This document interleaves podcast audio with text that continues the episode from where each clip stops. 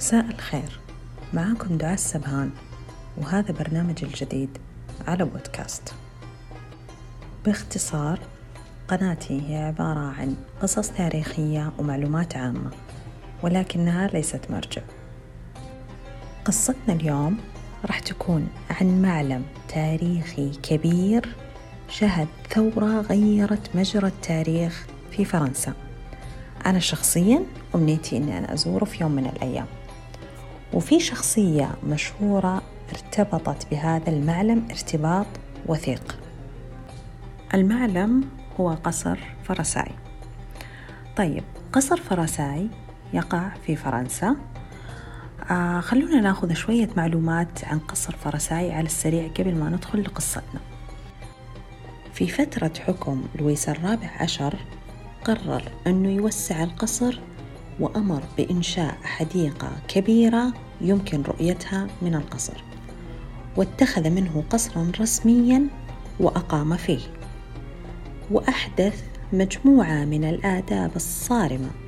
فإذا أراد أي شخص التحدث إلى العم لويس الرابع عشر يجب عليه أن لا يطرق الباب أبدا. طب إيش يسوي؟ يقوم بحكه بواسطة خنصر اليد اليسرى بشكل خفيف. لاحظوا يعني كمان ما يزعجه بشكل خفيف حتى يستجاب لدخوله أو ينصرف. إذا ما حد رد عليه خلاص يروح بيته. عشان كذا كانوا يطولون ظفر خنصر اليد اليسرى في ذاك الوقت.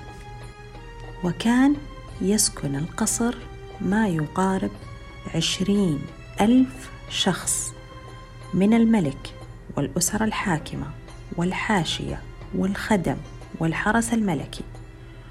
ويضم أكثر من سبعمائة غرفة وستين درج وألف ومئتان مدفأة ويحتوي على الآلاف من اللوحات والأعمال الفنية الأخرى.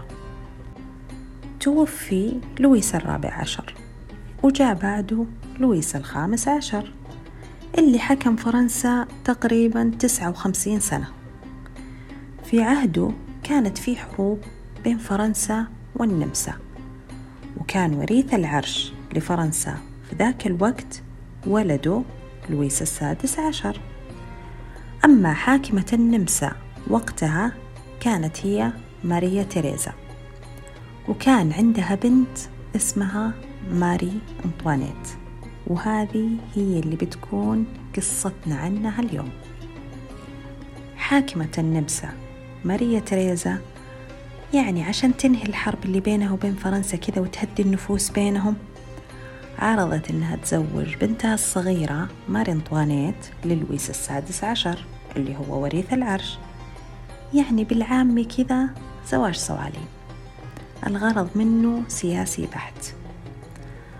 وقتها كانت ماري أنطوانيت عمرها 14 سنة بس ولويس كان عمره 15 سنة. يعني متخيلين قديش هم أطفال. وقتلوا طفولتهم للأغراض السياسية؟ ما علينا.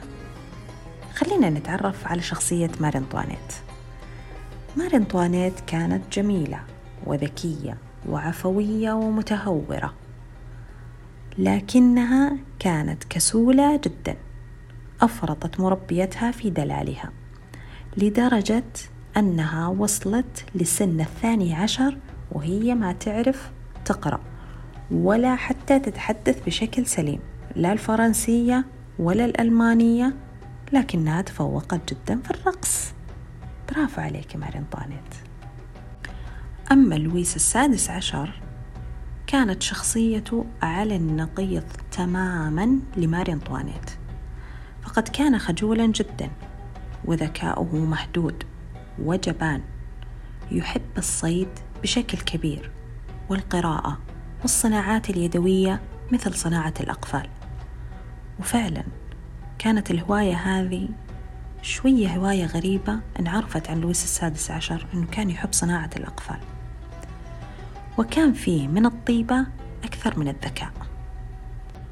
يعني الواضح لنا كذا من البداية من شخصيته ما كان في مواصفات الملك. طبعا وافقوا على عقد القران. وتم عقد القران بفيينا بالوكالة بدون حضور لويس السادس عشر. يعني ماري انطوانيت تزوجته وهي عمرها ما شافته. يا حسرة على شبابك يا ماري انطوانيت ودعتها أمها الإمبراطورة بقولها يجب أن تكوني كريمة جدا مع الفرنسيين حتى يستطيعوا القول بأنني أرسلت لهم ملاكا. طبعا ضم الموكب مئة واثنان وثلاثون شخصا من وصيفات ومصففات للشعر وخياطات وأتباع وكهنة للقصر. وجراحين وصيادلة وطباخين وخدم وخمسة وثلاثين رجل ليعتنوا بالخيل اللي كانوا يبدلونها من أربع إلى خمس مرات في اليوم. طبعا الحاشية هذه كلها كل الناس هذولي مو عشان يروحون معاها لفرنسا لا هذولي بس عشان يوصلونها لفيينا ويرجعون للنمسا. يعني بس كذا في الطريق. حق الطريق يسلونها لين توصل. تخيلين البطرة دامت الرحلة ستة عشر يوما. حتى وصلوا لمنطقة على حدود فرنسا وتقع على نهر الراين. وهناك استقبلها حاشية من السيدات والخدم الفرنسيين وودعوها كل أتباعها من الحاشية النمساوية. وكما جرت العادة أنه لازم الملكة تتخلى عن كل شيء جاءت به من النمسا من حاشيتها وخدمها إلى ثيابها ومجوهراتها. يعني حتى ملابسها اللي جات فيها تخلعها وتستبدل بملابس فرنسية ومجوهرات فرنسية. يعني كله كذا فرنسي بفرنسي من وقت ما دخلت ماري انطوانيت البلاط الفرنسي لاحظت كره الجميع لها بسبب إنهم تربوا على كراهية النمسا وشعبها وكانوا من وراها يلقبونها بالنمساوية. قال لك عيارة يعني. طب ما هي نمساوية أصلا؟ لكن عشيقة الملك لويس الخامس عشر مدام ديباري قلبت المعادلة. كيف؟ كانت مدام ديباري عشيقة الملك هي بالأصل مومس. بس عشان الملك كان متعلق فيها دخلها البلاط الفرنسي ومنحها اللقب. بس كانوا أغلب اللي في البلاط يكرهونها وما يحترمونها أبدا. جرت العادة في البلاط الفرنسي أنه أي أحد مكانته أقل من الملكة ما يبدأ في الحديث معها. إلين الملكة تكلمه أول.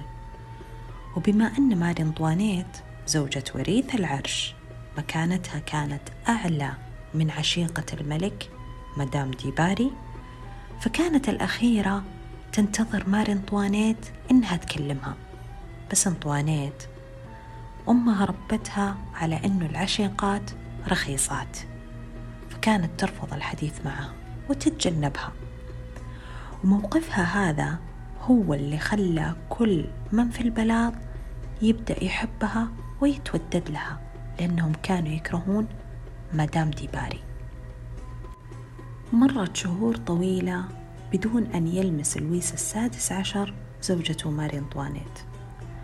والمشكلة أنه ما كان يعاني من أي مرض جسدي سوى إحساسه بالنفور منها. مما جعل والدتها ماريا تريزا ترسل لها الكثير من الرسائل تنصحها فيها وتذكرها بواجبها نحو النمسا. وبأن وظيفتها هي إنجاب وليا للعرش الفرنسي.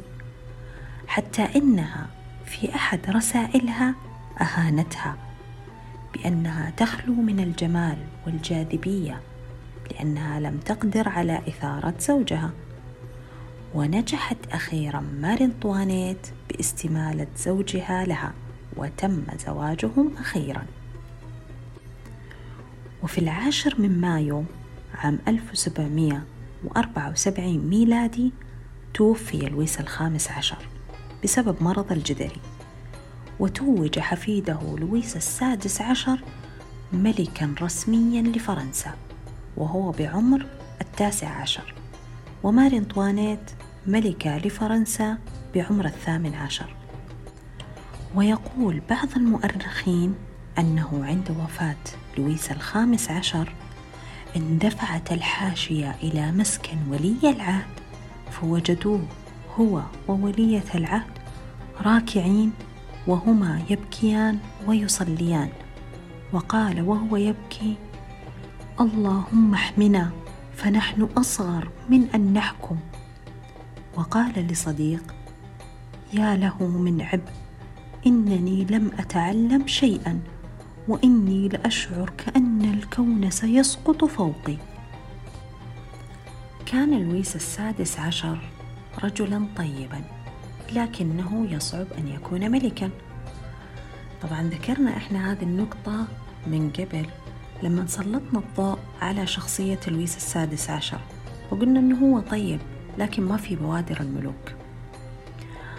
طبعا كان منغمس في هواياته الغريبة اللي هي زي صناعة الأقفال ورحلات الصيد وأكل الطعام بشراهة مما سبب له البدانة.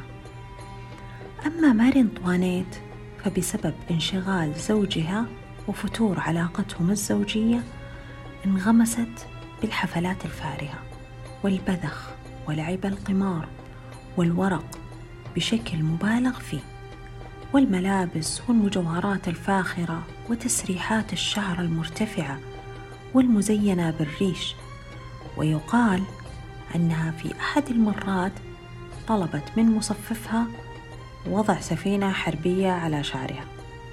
كذا هي ختمت الموظف وقتهم.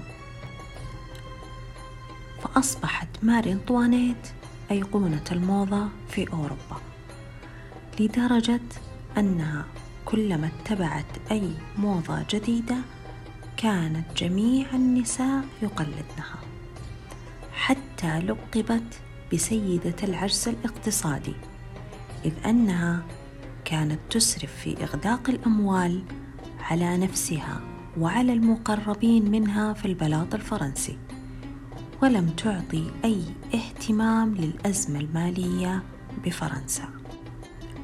وفي إحدى الحفلات التنكرية اللي أقيمت في باريس وحضرتها ماري أنطوانيت قابلت هناك الكونت السويدي أكسل فون فيرسن واشتعلت من لحظتها شرارة الحب بينهما. كبر الحب بينهم بشكل كبير وكانت أنطوانيت تعد الأيام عشان تشوف فيرسن اللي كان هو بالمقابل مولع بها وبجمالها ورقتها وذكائها. فصارت لما تشوفه تنشغل عن مهامها كملكة وتقضي الوقت كله معه وتمتنع عن مقابلة أي أحد ثاني. إلين بدأوا يتأففون النبلاء من تصرفاتها. فقامت من خلال نفوذها لدى المسؤولين في الجيش الفرنسي بإصدار قرار بتعيين الكونت فيرسن برتبة كولونيل بإحدى الفرق المرابطة بجوار القصر الملكي في باريس. يعني عشان يصير قريب منها وتشوفه على طول. ما لهم ومال المشورة السويد فرنسا السويد فرنسا كل شوية. انتشرت قصة غرام الملكة بالكولونيل السويدي. وصاروا الناس يتكلمون عنهم. ما بين الواقع والمبالغة والإشاعات. وبعد موجة من النقد اللاذع خاف فيرسن على محبوبته واتخذ القرار بالابتعاد كليا عن فرنسا. وتطوع في الجيش الفرنسي المرسل لأمريكا لمساعدتها في حرب التحرير في ذلك الوقت. واستمروا يراسلون بعض مدة ثلاث سنوات بدون ما يتقابلون. وأدرك شهرزاد الصباح فسكتت عن الكلام المباح. بكذا نكون أنهينا الجزء الأول من قصتنا وقابلكم إن شاء الله في الجزء الثاني اللي أوعدكم أنه راح يكون مشوق أكثر ودسم أكثر. تصبحوا على